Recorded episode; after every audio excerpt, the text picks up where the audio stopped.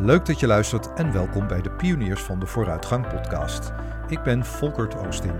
Dit is de podcast voor iedereen die op een persoonlijke missie is voor een betere en mooiere wereld. Hier hoor je regelmatig gasten die openhartig vertellen over hun ideale wereld. Van moedige wereldverbeteraars, bruggenbouwers, denkers, tegendraadse pioniers tot andere passievolle professionals. Delen hun persoonlijke inzichten en ervaringen met je. En uiteraard doe ik dat ook zelf over wat mij bezighoudt in mijn persoonlijke missie. Namelijk dat Nederland weer het ruimdenkendste en tolerantste land van de wereld wordt. Leef je op de klok of zet je de tijd even stil, zonder van alles te willen? Vaak kunnen we niet wachten en weten we liever wat ons nog te wachten staat. Want tijd is geld. En van terug in de tijd word je immers ook soms melancholisch. Maar mijn gast in deze aflevering daagt ons uit om anders met die tijd te leven. En weet dat niet zo gezond is als meer wachten en minder willen. Ze is schrijfster en filosofe.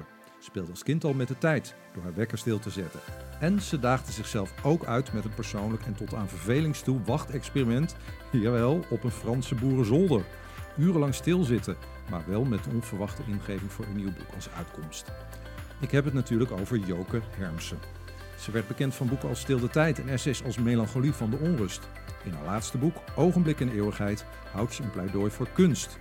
Die verdient volgens haar ook een plek in het coronabeleid. Want kunst loutert en verbindt.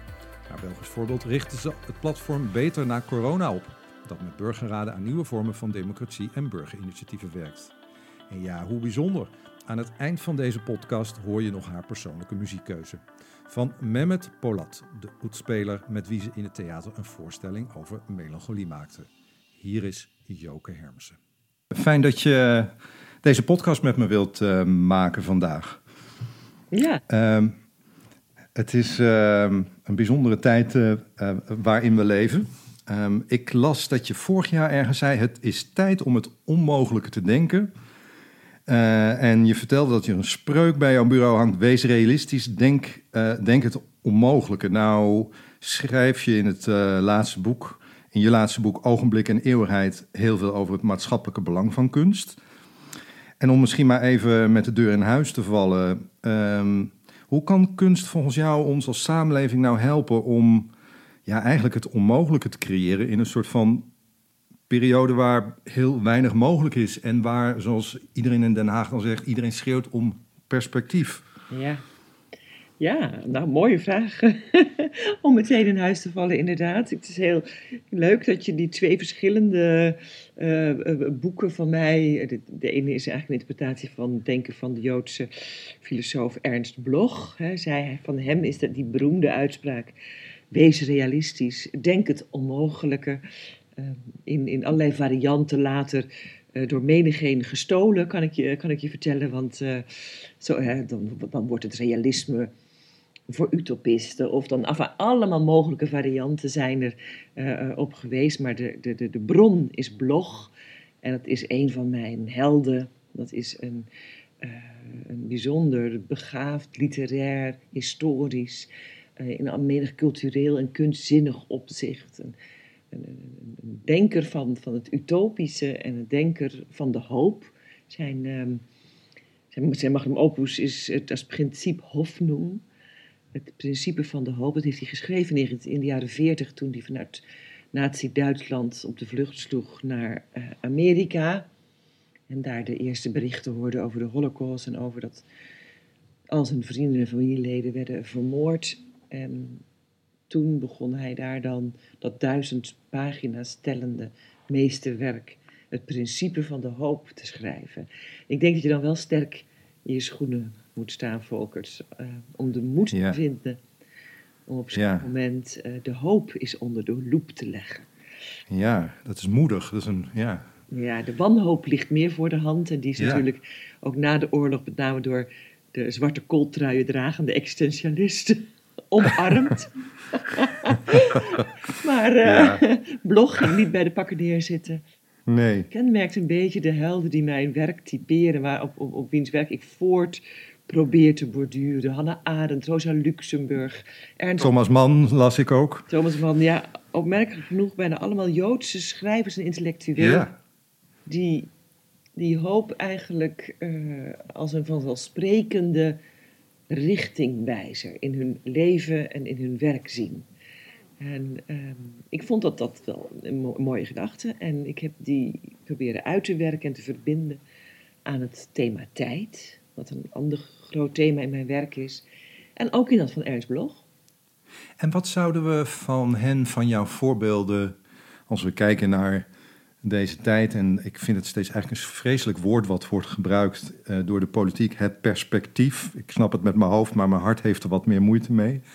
Wat zouden we nou voor, voor, voor je gevoel van jouw nou ja, inspiratoren zeg maar, kunnen uh, leren in het vinden van, in, van, van hoop en misschien wel een uitweg zelfs? Ja, nou kijk, met de filosofie en de literatuur is het en de kunst in het algemeen dat zijn takken van sport, zal ik maar zeggen, waar je nou niet concrete aanwijzingen of projecten ehm, moet verwachten. Dat is niet hun taak. De, de, de, de, de concrete perspectieven of de concrete projecten, die komen eigenlijk daaruit voort. Het zijn meer de wegbereiders van het nieuwe. Zo zie ik uh, kunstenaars, filosofen, dichters als wegbereiders van het nieuwe. En dat doen ze op een deconstruerende wijze. Hè. Ze, met een, aan de ene kant denken ze na over het verleden hè, en, en hoe ze dat verleden opnieuw willen gaan interpreteren. En, en, en ze denken ook na over die toekomst. En dan proberen ze daar, nou ja, richting het onmogelijke, als het ware, voor ons weer eens een, een, een, nou ja, een, een, een nieuwe zin uit, een nieuw, nieuwe muziek uit, een nieuw beeld uit. En daar schuilt dat utopische van de kunst in. Dus het is nooit praktisch. Het is altijd meer het stippen zetten op de horizon om onze verbeeldingskracht te verbreden, om ons denken te verruimen, om ons eens wat minder clichés te laten herhalen. Uh, en ook toch ook om, om, om de, dat hoopvolle op te laten klinken, omdat ja, het onverwacht nieuwe wat zij scheppen, toch iets is waar mensen zich aan kunnen vasthouden. Kijk, wij hè, hebben eenmaal cognitieve, talige vermogens, hebben bewustzijn van tijd, we hebben verbeeldingskracht, we hebben creativiteit. Wij zijn in staat als mensen om, om, om telkens opnieuw te beginnen. En in dat nieuwe begin ja, een, een, een, iets te, te, te, beschrijven of te bereiken of te componeren, wat nog nooit eerder uh, ja. gemaakt is. En in dat woordje nog niet schuilt voor Ernst Bloch, waar we het net over hadden, eigenlijk uh, de hoop van de mens. En we hebben ja, nog heel veel nog niet geprobeerd, nog niet uitgevonden, nog niet gedeeld, nog niet gekend, nog niet geschreven. En dat onzegbare of ongezegde, enerzijds, en datgene wat allemaal al gezegd is, anderzijds. In die spanningsverhouding houdt, houdt kunst, maar ook de filosofie, als het goed is, als het niet een hele wetenschappelijke filosofie is geworden, maar nog een meer literaire filosofie. Een filosofie die bij de ervaring van de mens dicht blijft. In, in die spanningsboog houden ze zich op. Het is mooi wat je me nu uh, vertelt, want het doet me herinneren aan jouw tentoonstelling in Museum Voorlinden. Het was geloof ik 2017 dat ik hem bezocht. En ik stuitte op, nou stuit is niet een mooi woord, maar ik zag een tafel met heel veel wekkers. En ze herinnerde me onmiddellijk aan mijn oma, die woonde in een groot bos. En aan de wekker die op haar nachtkastje stond naast zo'n mooi oude ledikanten uh, uh, bed. En als een flits kwam, je had het net over geboorte. Zij was heel erg belangrijk voor me. Kwam dat allemaal terug. En ik was ontzettend gebiologeerd door die tafel. Ik was ook nog zo stom misschien wel om er een foto van te nemen. Want daardoor was de magie meteen weg. Ja. Um, maar, maar, ik moest er ook aan was denken. te groot. Ja, dat was, dat ja. was te groot. Ik, ik, ik snakte ook terug misschien wel naar die tijd. En je, je schrijft in je boek Ogenblik en Eeuwigheid... schrijf je ook die, dat je citeert uh, het zetten van je herinneringen op een voetstuk. Mm -hmm. Als ik me goed herinner. Van, zeker, uh, zeker. Ja, ja. Dat is, dat is wat schrijven is. Hè? Dat is mm, schrijven en het nieuwe verzinnen. Maar dat geldt misschien ook zelfs wel voor wetenschappelijke genieën als een Einstein. Of, en die vertrekken toch heel erg vanuit hun herinnering of vanuit hun traditie. En da, van, van daaruit ga je verder. Dus het is niet zo dat je maar ex nihilo de toekomst inschept. Zo, zoals ons misschien wel eens bekruipt die indruk bij de moderne digitale technologieën. Hè, dat, is, dat zijn van die losgezongen gadgets. Is, dat is een beetje mijn ehm, eh, indruk daarbij soms. Terwijl, nou ja, goed, schrijvers, kunstenaars, filosofen, die, die, die, die, die, die, die zetten eerst die traditie of die herinneringen, hè, dus de ene is algemeen, de andere is persoonlijk, op een voetstuk en gaan dan heel goed kijken. En gaan dan, en dat is heel belangrijk, uh, Volker, die gaan dan heel goed kijken met de bril van nu. Dus ze gaan bijvoorbeeld, ik ga bijvoorbeeld in het boek Ogenblik en Eeuwigheid, um, een roman van Thomas Mann, een van mijn favoriete romans, De Toverberg, weer eens herlezen. Zo bijna zo'n kleine honderd jaar later. En nog altijd spreekt er heel erg veel uit die roman tot mij. Niet alleen over, over de tijd als thema, want die wordt natuurlijk enorm uitgediept van alle kanten in het boek. Maar ook over de verhouding tussen ziekte en gezondheid. De verhouding tussen de metafysica enerzijds en nou ja, meer het de humanistische wereldbeeld anderzijds. En dat doet hij op, op spectaculaire wijze, Thomas Mann. En vervolgens kunnen wij als moderne 21e eeuwse lezers ja, onze discussie over zingeving, over spiritualiteit, over hè, wat op dit moment ook alle kanten lijkt heen te gaan, ja, ook weer eens eh, overdenken. En zo kom ik dan in dat boek, dat laatste boek, tot een heroverweging van de tegenstelling seculier-sacraal. Dat, dat, dat is blijkbaar iets, net als dat zegbare en onzegbare, is dat seculiere versus het sacrale, of chronos versus kairos, een ander, een andere eh, oppositiepaar wat ik veel eh, heb bestudeerd. Ja, Chronos en Kairos, om daar meteen even op te reageren. Ik ken het heel goed. Uh, ik maak zelf ook muziek, dus het inspireert mij enorm. Maar misschien wil je nog eens even vertellen, de, de, de, de Chronos en Kairos, wat voor een gevoel die twee tijden ons geven. Ja, het is een, een, een, een onderscheid wat gemaakt is door, in, de, in, in, in de antieke oudheid in de Griekse mythologie hebben we grootvadertje tijd, dat is Chronos. Wordt ook meestal als een oude man afgebeeld met een lange baard en twee belangrijke attributen in zijn hand. Namelijk een zeis, want het is ook de tijd die ons herinnert aan eindigheid en vergankelijkheid en sterfelijkheid. We hebben maar een bepaalde portie tijd, zo gemiddeld 80, 82 jaar. En een zandloper heeft hij in zijn hand, want hij is de tijd die afgeteld wordt, die gemeten wordt. Nou, op die chronische, chronologische ordening van tijd hebben wij onze kloktijdmodel gebouwd. En wij hebben gezegd dat in die op, tussen die opkomst en ondergang van de zon zoveel uren zitten en zoveel dagen enzovoort enzovoort. Wij hebben die tijd nog veel preciezer meetbaar gemaakt dan die zandloper van Chronos. Maar, zeggen de Grieken, dat is niet het hele verhaal. Onze kloktijd is voor ons Westelingen wel het hele verhaal geworden. En ook nog eens een verhaal wat ons behoorlijk gestrest maakt en jachtig, hè, omdat we mm, die kloktijd daarnaast ook nog vereconomiseerd hebben toen we de arbeid hè, in betaalde kloktijduren gingen uitbetalen. Tijd is geld. Ja, eigenlijk tijd is geld. Ja. Vanaf, vanaf dat moment werd er bezuinigd hè, op de hoeveelheid tijd die jij kon besteden aan het verrichten van je taken. Goed, op die, die, die chronologische en door ons vereconomiseerde kloktijd, eh, als we alleen die zouden hebben, dan zouden we een ernstige mate uit balans raken, meenden die oude Griekse filosofen. Er is nog een andere tijd, de kleinzoon van de Chronos, en die heet Kairos-tijd. Nou, die Kairos-tijd heb ik eigenlijk ontdekt nadat ik mijn boek Stil de Tijd geschreven had in 2009. En toen heb ik het onderscheid dat ik daar met Franse denkers maakte tussen, nou ja, de, door de innerlijk ervaren tijd en de algemeen universele kloktijd die je van buitenaf wordt gedicteerd, heb ik dat teruggevonden in het oude Griekse concept van Chronos en Kairos. Kairos is geen meetbare tijd.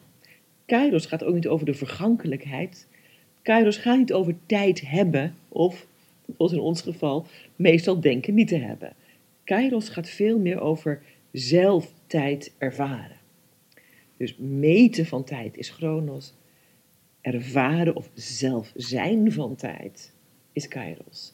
En dat kairotische momentum, dat je bij zijn kuif moet grijpen om tot een nieuw inzicht te komen of een nieuwe beslissing of een mooie gedachte of een nieuwe ontmoeting. Het is allemaal kairotische momenten. Dat heet bij die Grieken sacraal, terwijl Chronos seculier is, omdat hij ons inspireert. Vandaar dat hij dubbel gevleugeld is, zowel op zijn schouders als aan zijn voeten heeft Kairos Ja, ja. vleugels. Ja. Omdat hij ons als het ware, nou ja, eh, een nieuwe bevlogenheid leert. Hij geeft ons denken en onze verbeeldingskracht vleugels letterlijk. Hij inspireert en zet ons aan tot het nieuwe. Daarom is het ook de tijd waarin we, nou ja, onze handen weer een beetje hoopvol kunnen uitstrekken naar datgene wat nog niet gedacht of gemaakt of gerealiseerd is. Daar hebben we die kairotische tijd voor nodig. Die Dat kairotisch leven, hè, Joke, dat, dat, dat, Ja. die eindeloze tijd. Je schrijft als de nood hoog is, ik heb het hier ergens opgeschreven, Ja, dwingt eh Kairos, de Kairos-tijd ons de loop der dingen te onderbreken mhm. en een antwoord op de crisis te formuleren waarin we, meen ik, dat je het daarover hebt, nu zitten. Aandacht en rust zijn nodig, hè, het wikken en wegen van argumenten en omstandigheden in die situatie.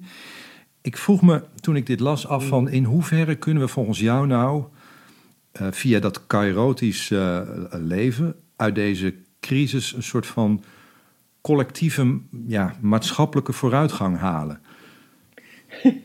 Ja, je stelt wel, eh, je stelt wel eh, elke keer fantastische vragen, Volkert, waar ik zo een lezing van een uur over zou kunnen eh, geven. Maar ik, heb, ik, ben, ik heb nog steeds de ind- indruk dat ik niet eens de eerste vraag eigenlijk al helemaal goed beantwoord heb. Dus dat denken van het onmogelijke en het utopische. Nou ja, enfin, misschien dat we het op, aan het eind tegen... Is, nou, het is mooi dat je dit zegt, want het is misschien, stel ik, een hele onmogelijke vraag. Dus ik ben wel nieuwsgierig naar wat je nu zegt hè, over... Mhm. We waren bij de vorige vraag gebleven. Iets fascineert jou dus ook in het onmogelijke, voel ik. Nou ja, ik, ik, het, ik, vind het, ik vind het de moeite waard om het te verkennen. Want we worden Ja. namelijk eh, al eh, in, de, in, in de moderne westerse maatschappij ehm, steeds, steeds vaker lijkt het wel aan wat we al weten herkend, eh, herinnerd. Weet je wel? Het is een soort vermenigvuldiging van hetzelfde, is mijn indruk vaak. Wel lichte varianten, maar nou ja, goed. Ehm, ik denk dat, in de, dat we dat kairotische, zoals bijvoorbeeld ook door mensen als Ernst Bloch, maar ook Walter Benjamin eh, in de jaren twintig van de vorige eeuw eh, naar voren is gebracht, inderdaad ook gemeenschappelijk kunnen ervaren. En dan, dat gebeurt op het moment dat het merendeel van de bevolking ineens, na een periode van rust, na dat wikken en wegen, wat jij net noemde, tot het inzicht komt dat het roer om moet. Zo kunnen we niet langer op dezezelfde weg blijven voortgaan. Nu moet het tij gekeerd worden. De titel van mijn voorlaatste essay. Het, tij, het roer moet om. We kunnen niet langer op deze destructieve weg blijven voortgaan. En als heel veel mensen dat voelen, dan kan er dus een kairotisch momentum of kantelpunt ontstaan. waar- Waardoor we echt daadwerkelijk op fundamentele wijze de bakens gaan verzetten. Nou, mijn bescheiden maatschappijkritische beoordeling is dat dat hoog nodig is. En boek na boek na boek probeer ik te laten zien hoe we dat in ons denken en onze verbeeldingskracht ehm, alvast kunnen voorbereiden. Dat is wat ik aan het doen ben. Als ik een filosofisch boek maak of een roman schrijf of die laatste essays over kunst, elke keer weer probeer ik naar die denkhorizon te verbreden, zodat daar dat onverwachte, nog niet gerealiseerde eh, kan, kan, kan, kan oplichten. En we ook een beetje zin krijgen hè, om, om daar naar op zoek te gaan. Want nou ja, in, in, het, in het essay Melancholie van de Onrust, om even een ander boek erbij te halen, is mijn waarneming eh, ook dat we in grote mate door moedeloosheid en het gevoel van machteloosheid en zelfs depressiviteit in het Westen geplaagd worden. En we hebben die hoop nodig hè, om dat melancholieke van ons, dat nostalgische, dat moedeloze, ja, niet in pure zwartgalligheid eh, te, laten, te laten doorslaan. Hij, dat, die melancholie is mooi, die weemoed als die omringd is door hoopvolle, hoopvolle lichtval, een hoopvol nieuw begin, een, een mooie nieuwe ontmoeting, een mooi nieuw gesprek. eh, dat, dat hebben we echt nodig. En daarom heb ik het maar als mijn taak gezien om dat eh, eh, in boekvorm keer na te keer op Ja, wat ik zo mooi, wat ik zo mooi vind, wat je daarover zegt, ehm, is het fenomeen van wachten. Bijna Mhm. durven wachten in die kairotische tijd. Alsof er dan nog meer van die kairotische tijd ontstaat. Ehm, Ook een van de dingen die we afgeleerd hebben. ja. We moeten zoveel. We moeten en we hollen van hot naar her. En nou, tegenwoordig hollen we dan vooral van scherm naar scherm. Hè, want we zitten allemaal thuis. En we durven heel moeilijk de schermen meer uit te laten. En gewoon eens op de bank te gaan zitten. En te wachten. Te wachten tot er, nou ja, inderdaad, die, die vogel die op die tak eh, neerstrijkt te zien. Of, ehm, en, en dan niet meteen, niet meteen weer te gaan tellen, denk ik dan. Ja, Ook leuk. ja, ja, daarmee steun je een goed doel namelijk. Ja. Maar laat, hem, laat hem ook eens alsjeblieft Ja. gewoon eens zitten, zonder dat je iets doet. Ja. En probeer te mijmeren, probeer te dagdromen. De dagdroom is de broedplaats van de verbeelding. En we zijn het afgeleerd, Volkert. We mogen niet meer dagdromen. We- Op school heb ik mijn hele, mijn hele school bij elkaar gedagdroomd, starend uit het raam. Maar al die kinderen zijn, zijn, zijn versmolten met hun, met hun schermen. En daar gebeurde de een na de andere spannende game. En wat ze allemaal daar niet op doen. eh, ja. en dat dagdromen, het vervelen, dat mijmeren, dat wachten, dat weet je, in jezelf verzonken denken. Dat zijn nou niet bepaald eh, zaken die de afgelopen decennia eh, zeer gestimuleerd zijn.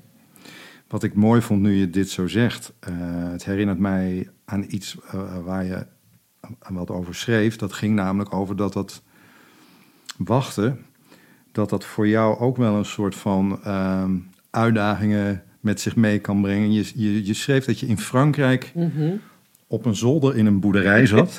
Ja. En misschien eh, ook de worsteling die we allemaal doormaken. Ik maak het regelmatig mee als ik studeer. eh, achter de piano in de improvisatie. En afgeleid door gedachten. Zo schreef jij over dat moment daar in die Franse boerderij. Maar dat je uiteindelijk dan toch wel ook wat inspiratie voor jouw boek Melancholie van de Onrust opleverde. Ja, het is, het, is het, is bijna, het is bijna iets wonderbaarlijks, dat wachten. Het is echt een belangrijk begrip in mijn werk aan het geworden sinds het boek Stil de Tijd. Ik, ik, er zijn ook filosofen die daar hele mooie dingen over hebben gezegd van waarom dat zo belangrijk is. Bijvoorbeeld, een van mijn andere helden is Simone Weil, de Franse filosoof en politiek activiste. Zeer jong overleden, maar heeft een prachtig oeuvre nagelaten van een beetje aforistische gedachten. En zij heeft ons erop gewezen dat in het Frans wachten, attendre is natuurlijk. Ja, Alleen als je kunt wachten, ook in staat bent om de juiste aandacht voor iets of iemand op te brengen. En dat, vindt, dat zie je al etymologisch terug in het Frans. Want attendre leidt tot attention. Het is gewoon een afgeleide daarvan. En dat vind ik nou zo'n mooie gedachte die, je dan, die dan als een soort parel van de bodem van het verleden diep. En die dan probeer in deze drukke, gestreste, complexe tijden weer een beetje op te poetsen. Zodat we, zodat we ons ook weer zelf opnieuw herinneren dat wachten wel degelijk noodzakelijk is om de juiste aandacht te kunnen hebben. Wat mij dan zo verwondert is, ik, ik dacht daar vanochtend aan, ook even in de voorbereiding op ons gesprek, dat we doen met z'n allen, laten we zeggen, een grote groep in de samenleving aan mediteren, aan yoga. En dan is het para- paradoxale dat we daar dan ook weer de klok op zetten. Ja. Ik ga tien minuten mediteren in plaats van rustig, zoals jij net zei, in, ergens in de natuur of de tuin zitten en Ja. wachten tot er die vogel voorbij trekt. Dat heeft iets paradoxaals. Hoe, hoe kijk jij daar tegenaan? Ja, dat is het natuurlijk zeker. Maar aan de andere kant wil ik, wil ik ook niet te ehm, pessimistisch zijn. Ik bedoel, we kunnen ook, we kunnen ook vaststellen dat gelukkig veel mensen, en steeds meer mensen, de noodzaak van meditatie of mijmeren, ik noem het maar gewoon mijmeren, Ja, of dagdromen, of even Ja. niets hoeven, niets willen, de kunnen wachten. Het wachten uit kunnen houden. Dat is eigenlijk meditatie ook. Hè. Niets willen. Dat we dat weer gaan trainen. En al doen we dat in onze bomvolle agenda's en doen we dat op de meest hippe locaties, voor vaak ook nog hele hoge toegangsgelden. Prima, als mensen dat willen doen. Wat is big business aan het worden? Ja, voor mijn pleidooi heb je geen dikke beurs nodig. Je moet proberen de schermen uit te laten. En gewoon met een boek op schoot of met een gitaar op schoot. Wat voor je uitstaren en kijken, wat pingelen op die snaren. Of het bladeren in dat boek. En vooral veel wegdromen. Want wat gebeurt er in het. Het is natuurlijk niet alleen maar een, een soort van uh, uh, romantisch literaire oproep. Hè. Er gebeurt van alles, is ook zelfs wetenschappelijk bewezen, in dat dagdromen. Kijk, wij moderne mensen worden voortdurend, zou je kunnen zeggen, veruitwendigd. Veruitwendigd door alle prikkels die van buiten op al die schermen, van iPhone tot computer, van televisie tot tablet, op ons afkomen. Ook door, uh, door alle, alle, alle overige maatschappelijke structuren die, die, die, die, die zeer belangrijk voor ons zijn, zoals bijvoorbeeld strakke roosters, volle agenda's, um, de kloktijd. Allemaal zijn dat eigenlijk prikkels van buitenaf die, nou ja, die, die eigenlijk een vervreemding van de mens tot zichzelf uh, tot gevolg kunnen hebben. Als dat te veel op grote schaal je leven geleefd wordt in plaats van dat je zelf uh, daarvoor kiest, dan is dat, nou ja, dan, dan dreigt die vervreemding. Denk je dat hoe minder we wachten, hoe minder we ook vervreemden, hoe minder depressief we worden? Hoe meer we wachten, hoe minder ja, depressief. Sorry, ja, ja, ja, ja, ja, ja, nee, ja, nou ja, meer ja. Kijk, in, op, op het moment van die dagdroom, die mijmering, dat mediteren, dat stilstaan, dat niet willen, dan stel je jezelf eigenlijk domweg weer even in de gelegenheid om dat contact met dat verloren gegaane zelf, want je was immers zo op die buitenbeeld gericht en op die prikkels van buiten, om dat contact te herstellen. Het is net alsof je eigenlijk weer verbinding met je eigen ziel legt. Muziek is nou voor mij persoonlijk en voor vele andere mensen um, een van de meest geschikte uh, uh, kunstvormen die daarbij een handje helpen. Maar ook beeldende kunst. En ook een, een gedicht lezen. Dat is eigenlijk het grote pleidooi van mijn nieuwe boek Ogenblik en Eeuwigheid.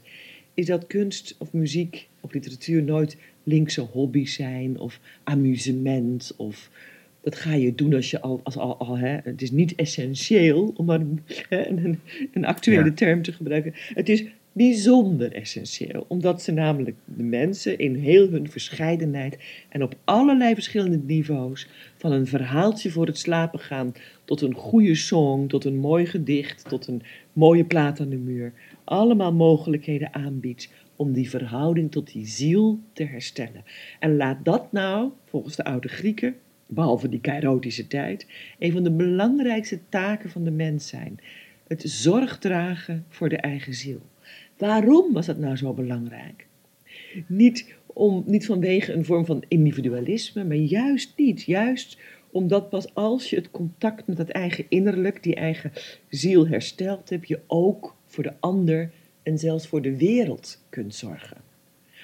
Als dat contact verstoord is, dan ben je ook onverschillig ten aanzien van het lot van anderen, of het lot van de wereld, of het lot van de natuur. Dan interesseert het je, dan is jouw houding onverschilligheid vanuit vervreemding. Die kunst, die verhalen, die muziek, die kunnen ons dus weer proberen tot rust te brengen, dat mijmeren en mediteren en dagdromen te stimuleren, maar ook dat, als het ware terug thuis brengen bij onszelf zodat we van daaruit, bezield en wel, ook weer voor anderen kunnen zorgen. Nou, en dat je noemt, mij... je, dat vind ik vind fantastisch ook hoe je dit omschrijft in je, in je boek. Eh, als wie citeerde ik ben even naar de, de, de hartconditie. Ja, Jozef Brodsky hart, natuurlijk. Ja, Brodsky. Ja, wie, ja. wie anders dan deze dichter kan het ooit poignant formuleren? Dat is absoluut waar. Lezen is geen hobby. Het, het is iets wat je ervoor zorgt dat je hart gezond blijft Letterlijk je hart, ja. Ja, ja, ja. Ik heb ook, Ja, een, en- hoofdstuk, ik heb ook een hoofdstukje in dat, in, in, in, ik geloof dat het in het hoofdstuk over de Thomas Mann staat, over de Toverberg, dat er steeds meer wetenschappelijke onderzoeken, dat is af en toe best fijn hoor, dat je als filosoof en schrijver ook wat hè, keiharde wetenschap aan je, aan je zij krijgt. Ja. Dat, dat er uit steeds Ja. meer onderzoeken blijkt dat lezen, met name lezen en muziek luisteren, ehm, ontspannender en helender voor de mens is dan menig ander zogenaamd ontspanningsactiviteit. dus het is. eh, Nou, dat valt mij eerlijk gezegd ook wel op aan hoe we. Je, je- eigenlijk, dat schrijf je zelf ook, heb je het over het louterend effect, hè, het verbindend effect Ja. ook van muziek en kunst en de dichtkunst. mhm. Ehm, en je noemde ook het, het, het, het consumeren, zeg maar. Elke keer weer als ik ergens kom en ik hoor muziek op de achtergrond. Ja, we komen nu natuurlijk met z'n allen en, en nergens, maar eh, in, in, een- in, een, in een eh, winkelcentrum of eh, op onze oordopjes. Ja, we, we, consum, we het lijkt wel of we met z'n allen heel erg zijn door die kloktijd ook zijn gericht op het consumeren van, van, van muziek in plaats van de aandacht eraan te Zeker. geven. Herken je dat? Ja. Maar zeker, Volker, alles is gericht op eh, consumptie, kan ik je vertellen. ja, wij leven in een kapitalistische, neoliberale samenleving, toch al menig decennium. En alles, maar dan ook alles, is daarbinnen gericht op het verhogen van de consumptie en het verhogen van de productie, eh, vanwege het winst en, en, en, en het rendement. Dus het is een, een, een, een louter vereconomiseerde samenleving waar de economische groei eh, eigenlijk voor al het andere gaat. Nou ja, ook daartegen probeer ik mij te verzetten als eh, eenvoudige schrijver. en dat heb ik eh, ook gedaan in het, in het essay Het Tijkeren, misschien wel mijn meest politieke essay over Hannah Arendt en Rosa Luxemburg, hoe zij, Hannah of Rosa Luxemburg al al honderd jaar geleden, een boek schreef à la, Thomas Piketty hè, over het kapitalisme, eh, de accumulatie van het kapitaal, 1913, waarin ze met een profetische blik heeft beschreven waar wij nu in zitten. Inclusief de, de vernietiging van de, eh, van de grondstoffen, van de vervuiling van de aarde, de, de verarming van het grootste deel van de, van, van de wereldbevolking, de, de, de opeenstapeling van het geld en de vermogen in een paar honderd of paar duizend handen. En hoe dat alles eh, tot een ontwrichting van het maatschappelijk bestel zal leiden. Eh, in, in termen van depressiviteit, in termen van vereenzaming, sociaal onrecht, economisch onrecht. Nou ja, noem maar op. Op, ja. Terwijl En- jij eigenlijk ook zegt... Het, eh, sorry, ik onderbreek je. Nee, nee. Nou, ik, ik maak even een associatie ook naar wat jij zegt over melancholie. Mhm, In de melancholie van de onrust. mhm. Ehm, eh, eigenlijk heb jij een hele positieve kijk misschien wel op... eh, dat klinkt een beetje raar wat ik nu ga zeggen. Depressie, in de zin van dat we bijna vergeten zijn met z'n allen... Mhm. dat wij als mensen melancholisch zijn gebouwd. Ja. En dat eh, als je een beetje te neergeslagen bent... eh, dat dat dus ook bij hoort. Precies, en, ja. en dat er ook een hoopvolle vorm van melancholie is. Maar wij zijn het Ja.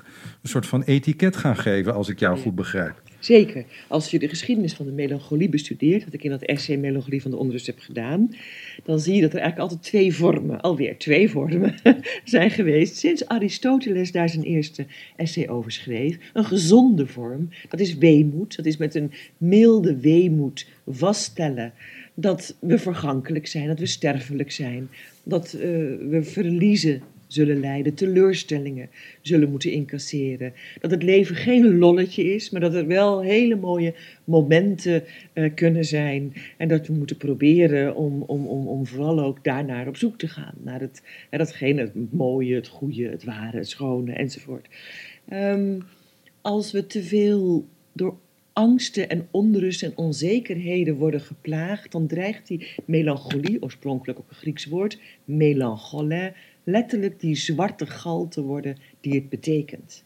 En dat is eigenlijk pure depressiviteit. Dan, dan ben je nergens meer voor te porren, dan zie je nergens meer een, een, een, een, een, hoop aan de horizon verschijnen. Dan heb je weinig fiducie meer in een goede afloop, geen vertrouwen meer.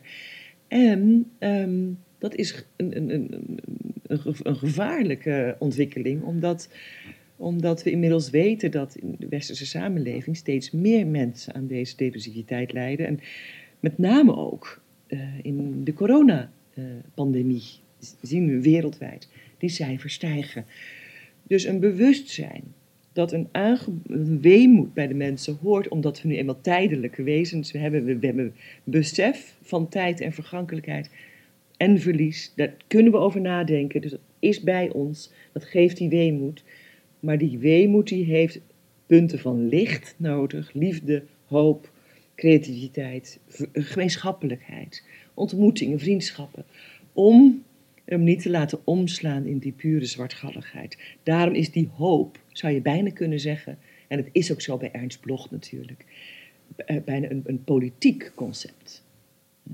En is, uh, want, want Hoe bedoel je dat, uh, een politiek concept? Ja, een politiek concept, want Hannah Arendt, de andere filosoof die ik vaak opduikt in mijn werk, ja. zij heeft um, het functioneren en ook het ontstaan van totalitaire regimes, zoals het van de nazi's of de Stalinisten, um, uitvoerig bestudeerd in haar nou ja, meest gerenommeerde boek over totalitaire regimes. En zij beschrijft daarin hoe in begin jaren dertig in Duitsland er een massale depressiviteit heerste.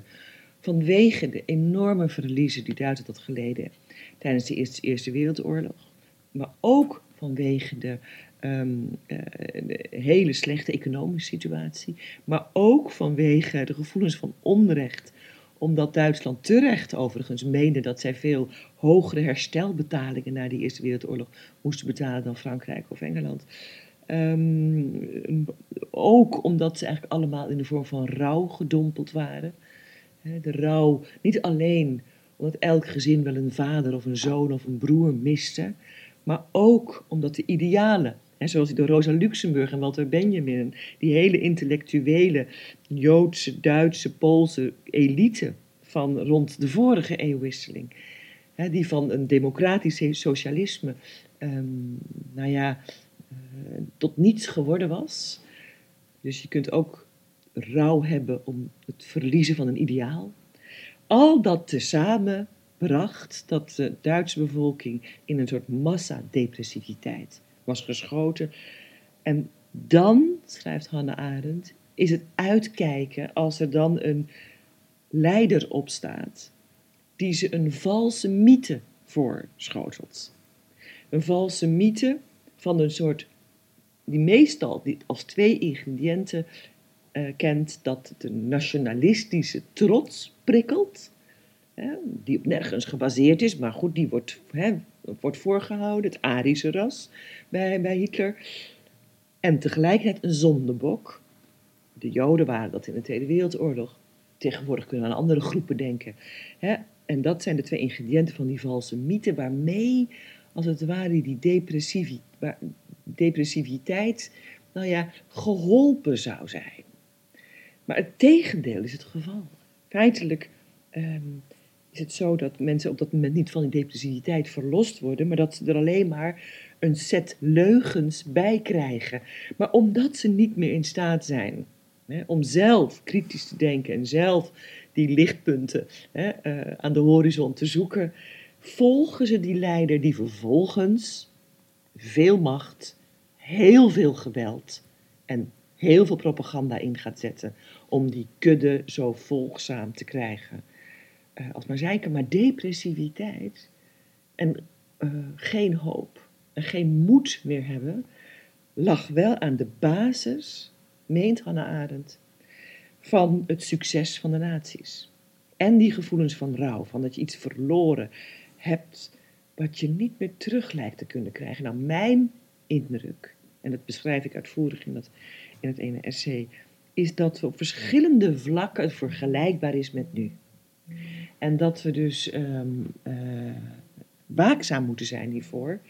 En dat we dus de hoop inderdaad ook als een serieus politiek uh, concept moeten omarmen. En ook de depressiviteit niet alleen maar als een medische diagnostiek moeten zien. En dan ook nog voorzien van een negatief label. Maar dat we die depressiviteit eigenlijk moeten nou ja, onderverdelen in twee vormen, namelijk een gezonde vorm van weemoed en teleurstelling. En dat je het een paar dagen niet ziet zitten en dat je gewoon ontzettend baalt of heel erg verdrietig bent. En dat daar ruimte voor mag zijn in onze cultuur. Dat je dus niet, dat je niet maar één dag krijgt om te rouwen als je partner overlijdt, zoals bij sommige bedrijven in Nederland. maar dat verlies serieus genomen wordt en dat je ook niet op Facebook elke dag hoeft te stralen van succes. Dat je ook mag falen. Dat het er allemaal bij hoort en dat we het allemaal doen. Allemaal. Nou, daarvoor moet veel meer plek zijn. Dat is de gezonde vorm. En de ongezonde vorm, daar moet, moeten we veel alerter op zijn. Dat is dus eigenlijk een pleidooi. In, in die zin is het de kunst, zeg je eigenlijk ook, om uh, je, ogen te verschuiven van uh, die, die, die valse mythe waar je het net over had. Hè? Mhm. Uh, naar het vinden van die hoop in jezelf. In de kairos misschien wel en de kunst. Ja, zeker. Zeker, je moet, zeker. Eigenlijk is het zo dat wat mij betreft op dit moment van de geschiedenis, met een Trump die dan gelukkig net weg is daar, maar de andere uh, extreemrechtse en bijna krankzinnige leiders staan elders alweer te trappelen in de wereld. Of zij, zijn al aan de macht, zoals in Brazilië bijvoorbeeld. Uh, maar ook in Europa zijn die krachten werkzaam.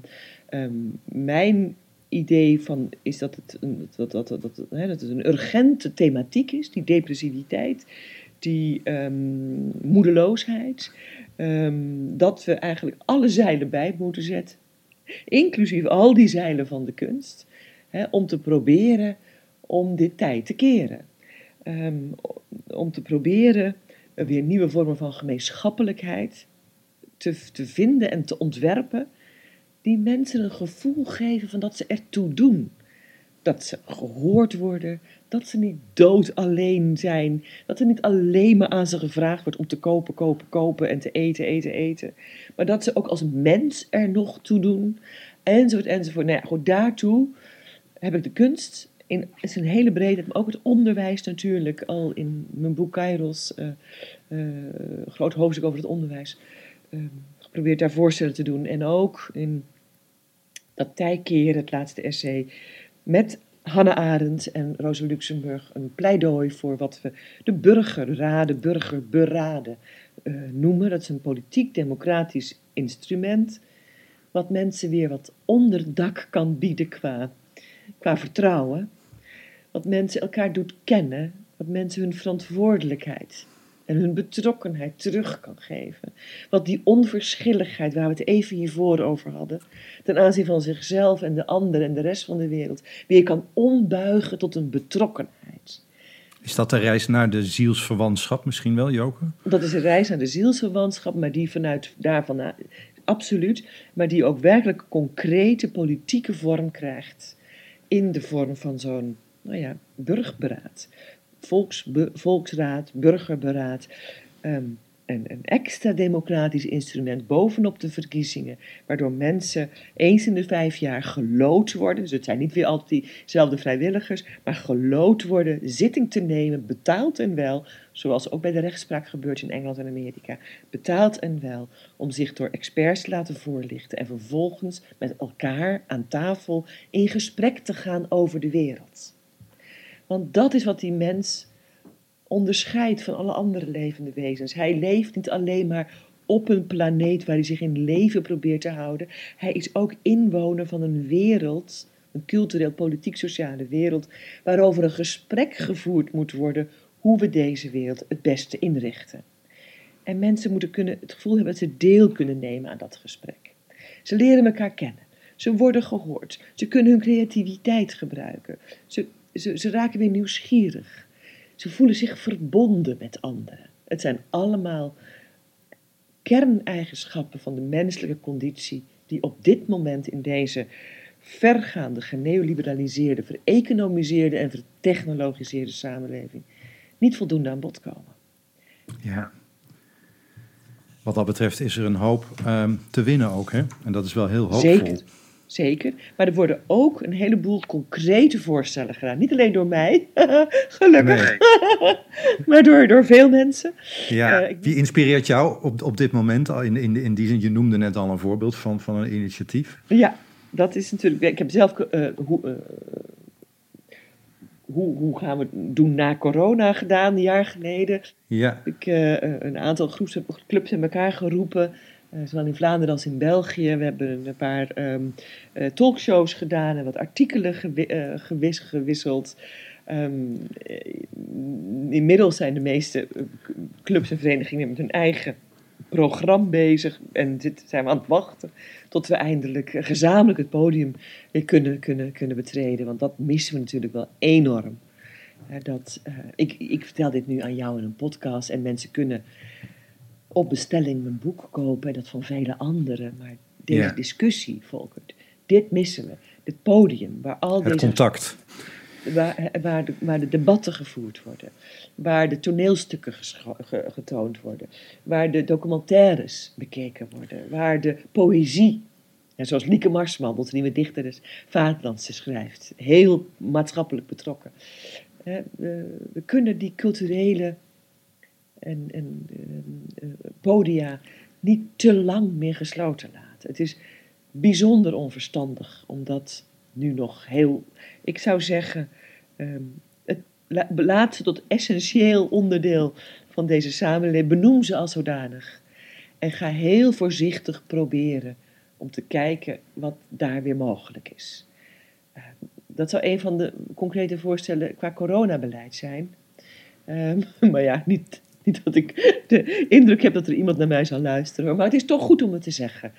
Ja, ik vind het heel goed dat je het zegt, want Ja. ik, ben, ja, ik ben de laatste die dat niet zal beamen. Ik ben het helemaal met je eens. En ook over de rol die kunst kan vervullen, als ik het in mijn eigen woorden zeg, Ja. eh, en dat hoor ik jou nu ook zeggen, in het afstemmen met, tuss- tussen mensen en de wereld. zeker.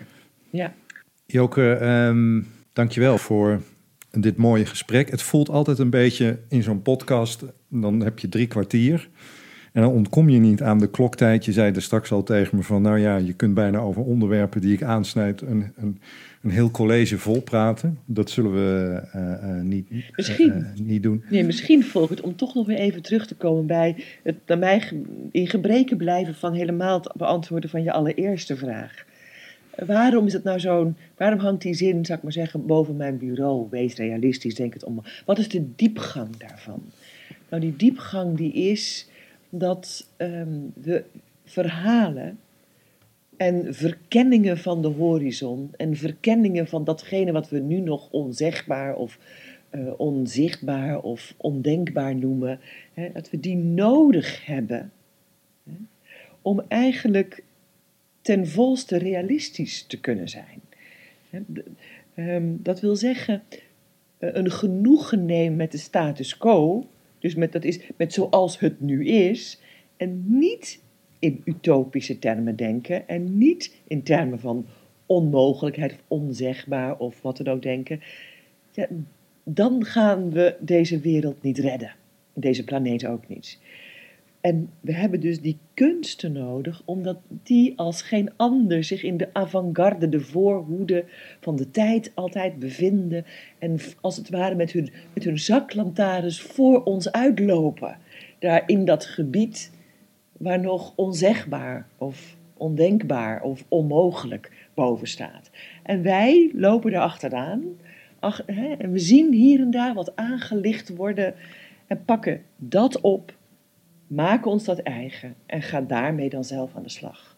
Kunst is geen hobby, maar een noodzaak voor mensen om überhaupt gezond te blijven. Sterker nog, om mens te blijven. Dat is mijn, mijn, mijn volle overtuiging. De kunst haalt een eh, gezonde en hoopvolle toekomst ook dichterbij, hoor ik je zeggen. Absoluut. Ja, Joke Hermsen, dank je wel voor, eh, voor dit mooie gesprek. Heel graag gedaan. Ja, en als je dan nog even de tijd hebt, blijf dan nog even luisteren naar Mehmet Polat op de oud, de Arabische luid.